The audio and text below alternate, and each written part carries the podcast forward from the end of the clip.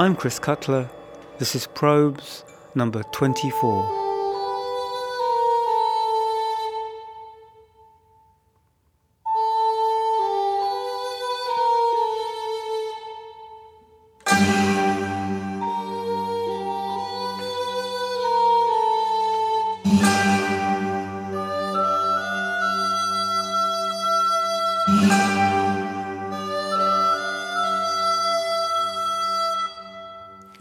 Program, we traced the fortunes of the toy piano from its first appearance in the world of experimental music under the hand of John Cage at Black Mountain College in 1948, through its occasional resurfacings, notably in works by Mauricio Kagel and George Crumb, to its revival in 1969 by Jean Kirstein, who performed and more importantly recorded Cage's original suite for toy piano, thus triggering a second wave of toy piano works in the 1970s that took in a quartet of British minimalists, a French fringe recording artist, and a maverick female American composer, before it sank back into the undergrowth for another 20 years.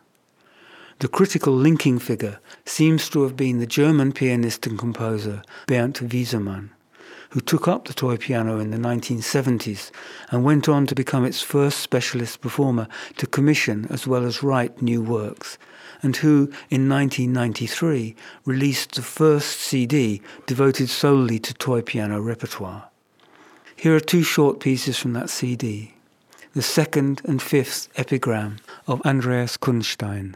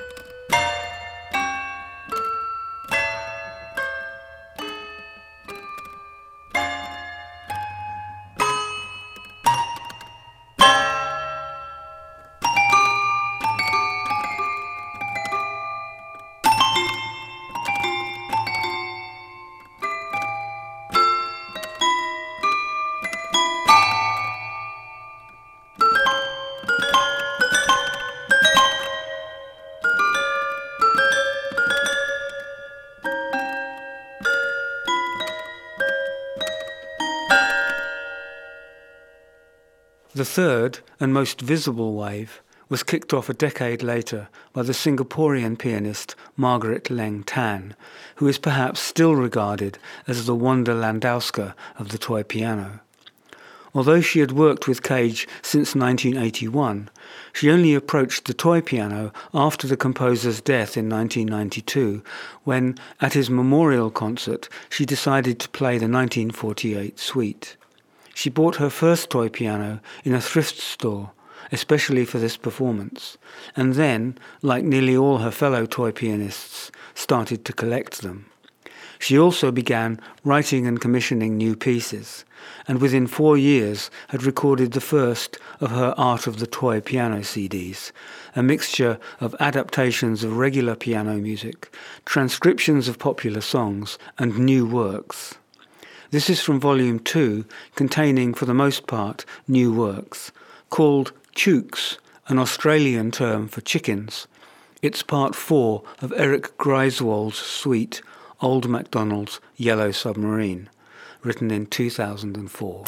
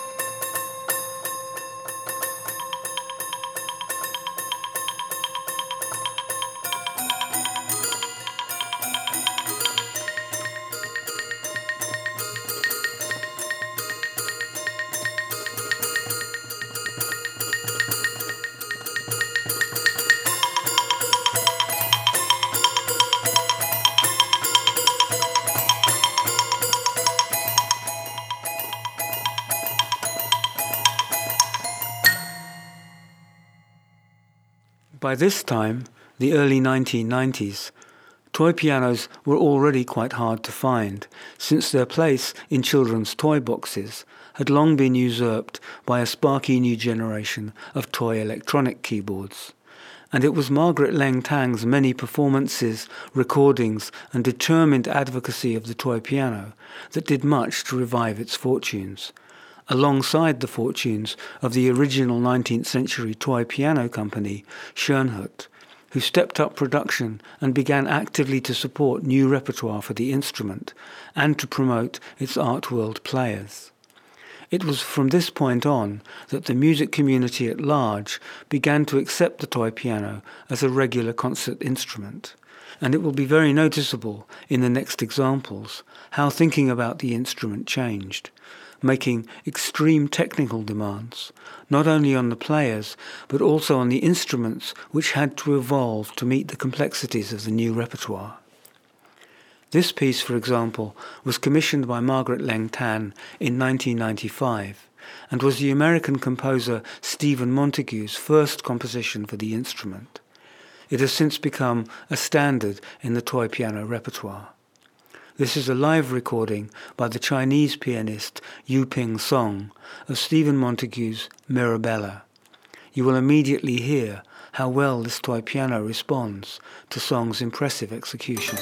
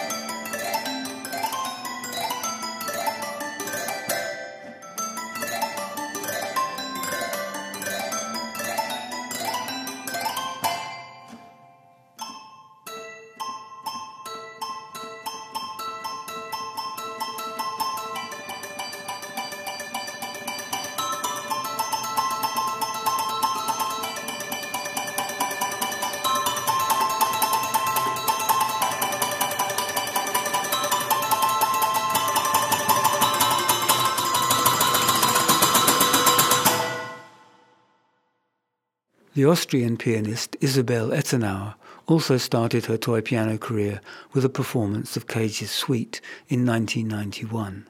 In her case, played on an ancient Bontempi. Like our other specialists, she then cast around for more instruments and other repertoire and soon began commissioning her own. It was through Ettenauer that the composer Karl-Heinz Essl, who specialized mostly in hybrid pieces involving electronics or spatialization, encountered the toy piano in 2005, after which he went on to compose a flurry of pieces with ensembles, electronics and in multiples, releasing a full CD in collaboration with Isabel Ettenauer in 2013, dedicated only to his toy piano works.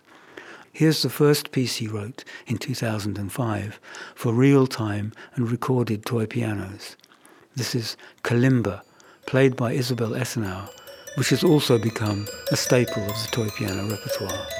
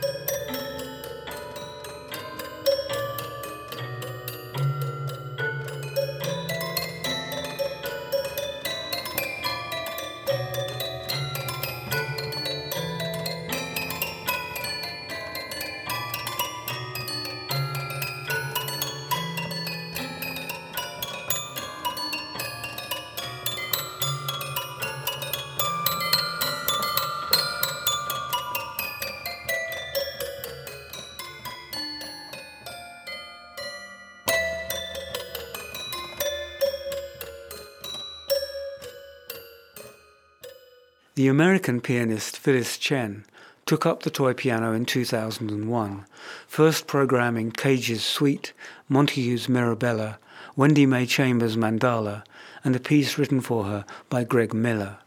After that, it took a few years and a bout of tendonitis to make the instrument her central concern. In 2007, she launched the Uncaged Toy Piano, a biennial competition and call to composers for new repertoire, which has so far elicited at least 200 original works. And in 2011, she organized the first three-day Uncaged Toy Piano Festival, at which new works were premiered and new performers showcased, and which has now become a regular event. Here's one of her own solo pieces for the instrument, Double Helix, for toy piano and bowls, both played by Phyllis in real time.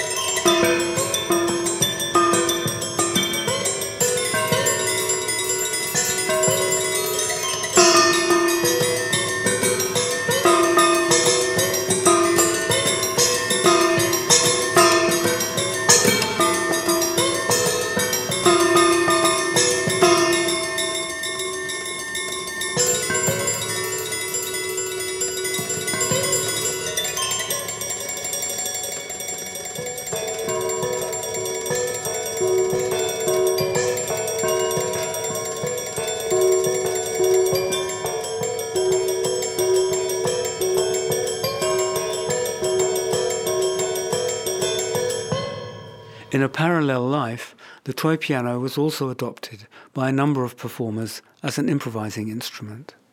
The British pianist Steve Beresford, for instance, often included one in his menagerie of accessories, and he later became a member of the Berlin Toy Bazaar, an improvising group, all of whom played toys. Chris Burn, another British pianist, took up the toy piano as an improvising instrument in the early 1980s, he even played in a toy piano duo for a while as the Toy Boys with Richard Sanderson. Here's an extract from Related Activity from the CD Still Point, recorded in 2001.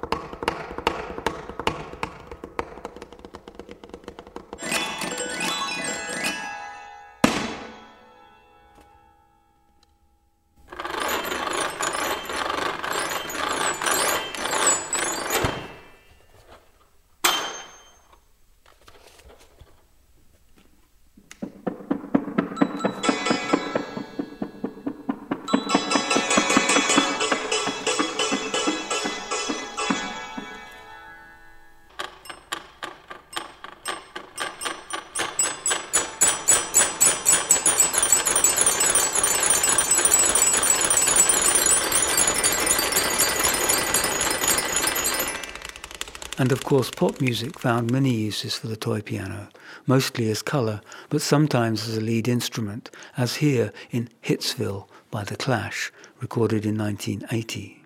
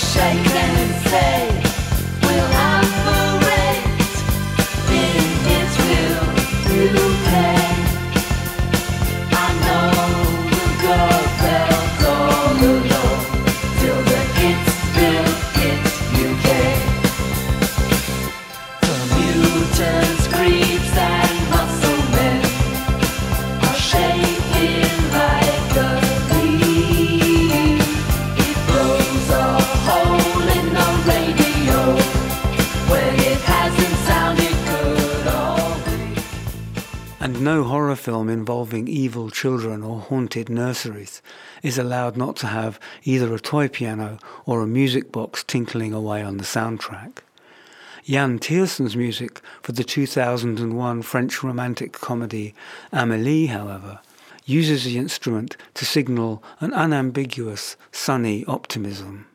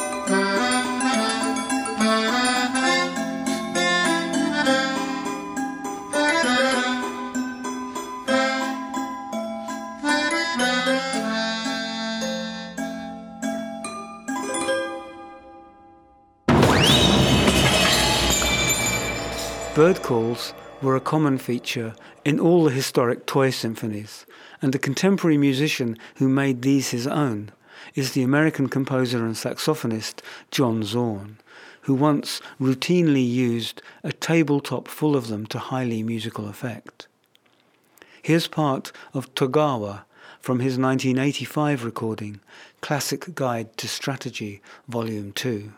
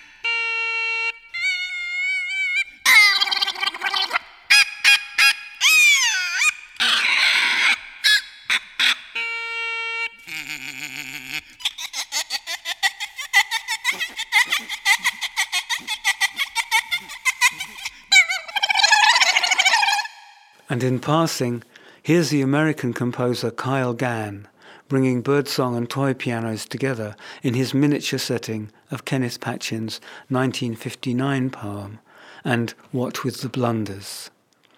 The melodic material is all derived from Patchen's reading, which reveals itself only later in the piece. This was recorded in 1994.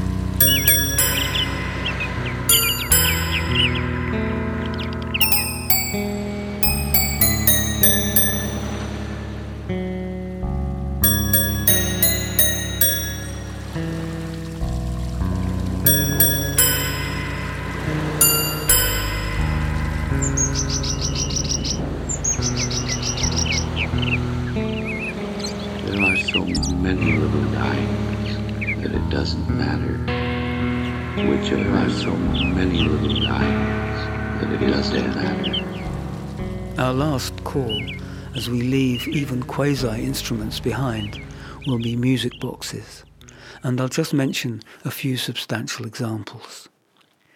Music boxes anticipate recording systems inasmuch as they can store and exactly repeat the same material, but the material, of course, is programmed, not captured.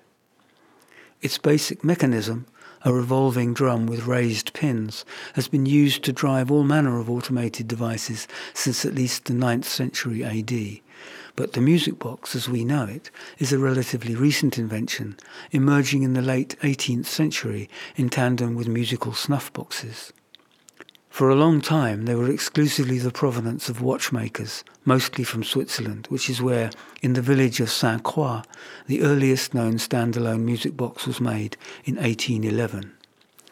I only mention Saint Croix because that was also where the German composer Karlheinz Stockhausen went 163 years later to have 12 melodies based on the 12 zodiac star signs programmed into a set of 12 mechanical music boxes for his series Tierkreis.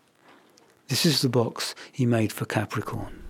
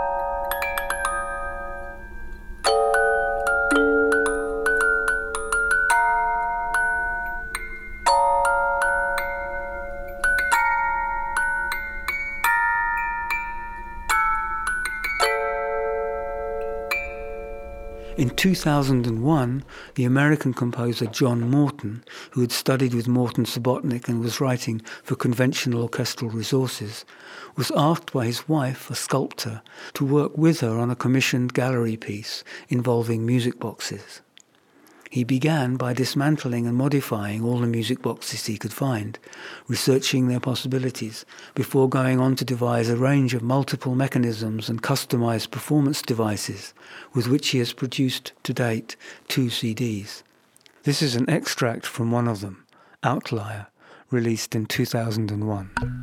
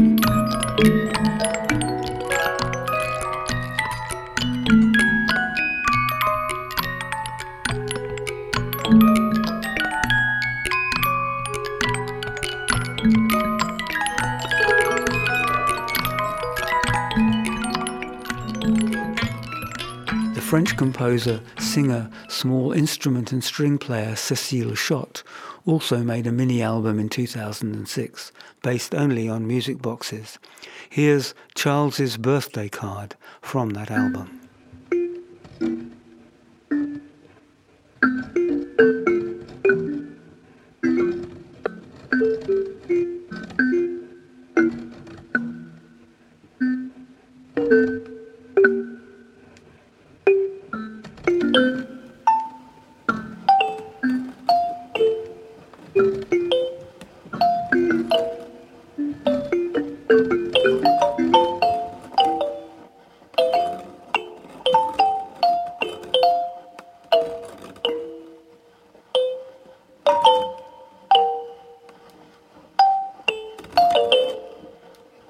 Working with Isabel Ettenauer in 2009, Karl-Heinz Essl made this, Pandora's Revelation, for music boxes and real-time processing.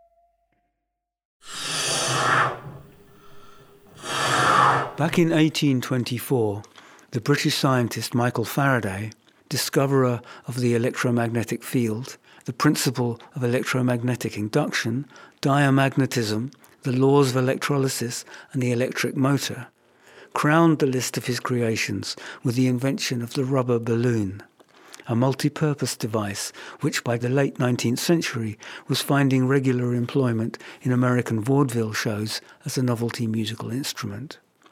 The first balloon recording I could find, however, was this by jazz saxophonist Yusef Abdul Lateef, who, I assume, was using his balloons in vaudeville fashion on this short track, Love and Humour, recorded in 1957.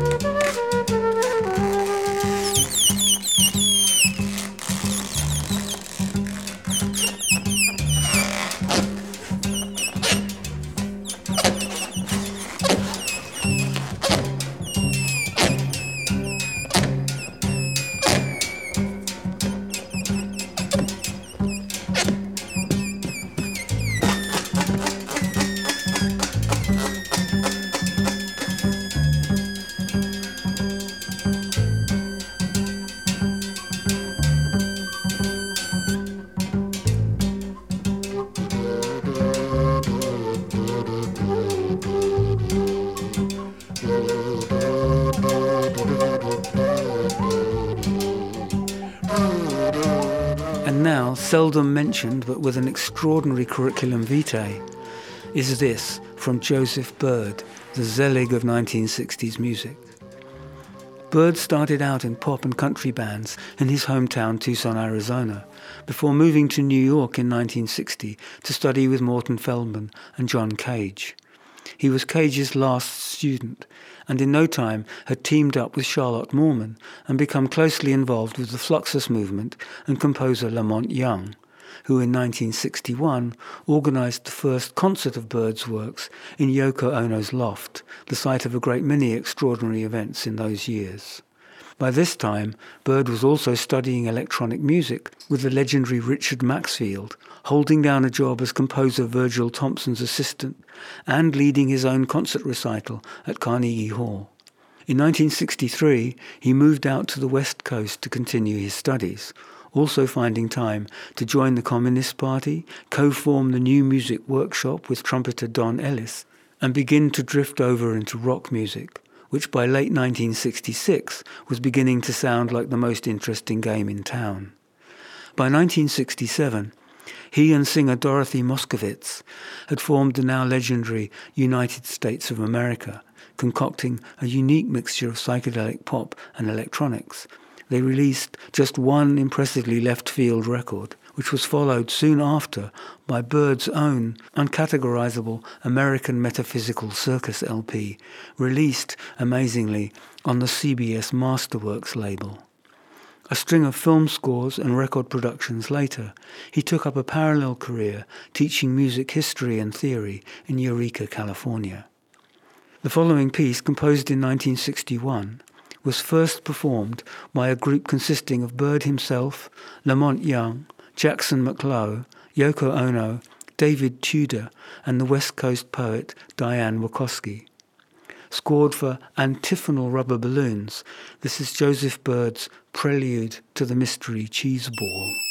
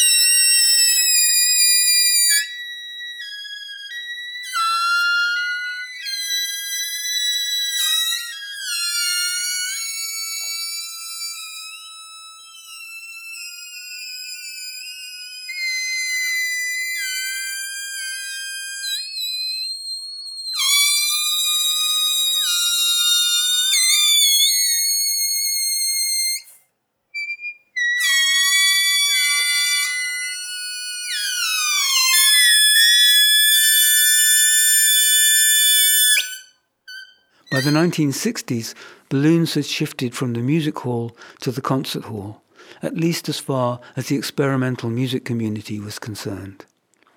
There's a picture in Michael Nyman's indispensable experimental music, for instance, in which pianist John Tilbury is shown with Francine Elliott and David Bedford, both playing balloons in a 1969 performance of Cornelius Cardew's Treatise.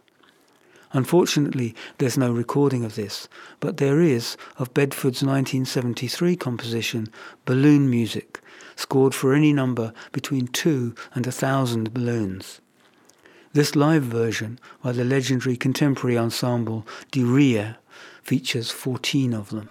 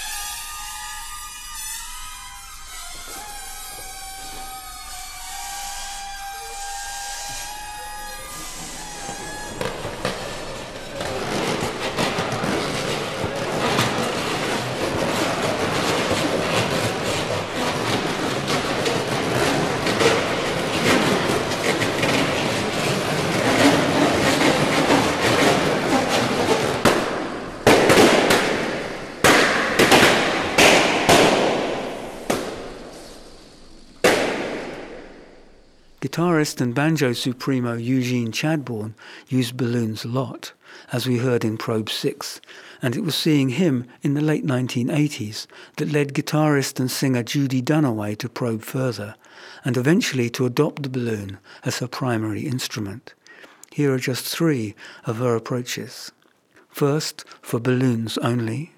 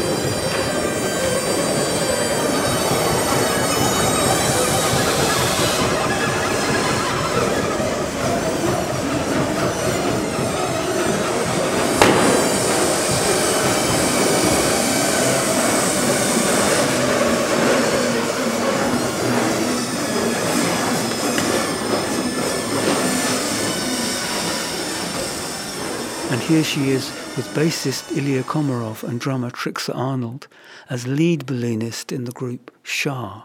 This was recorded in 2001.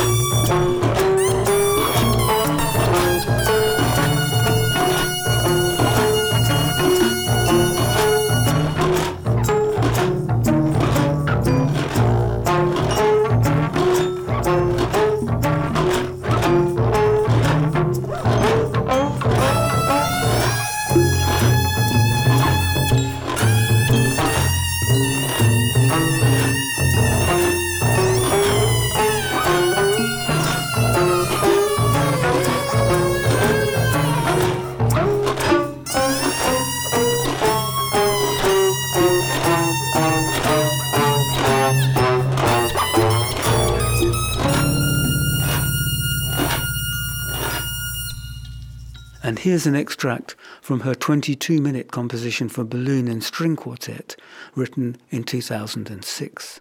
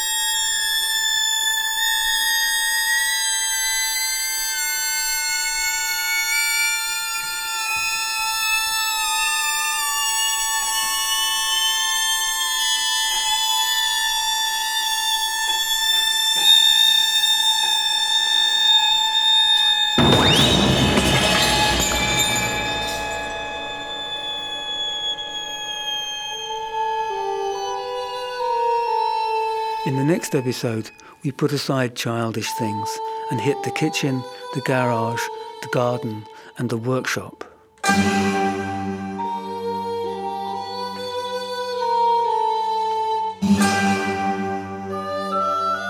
I'm Chris Cutler. This has been.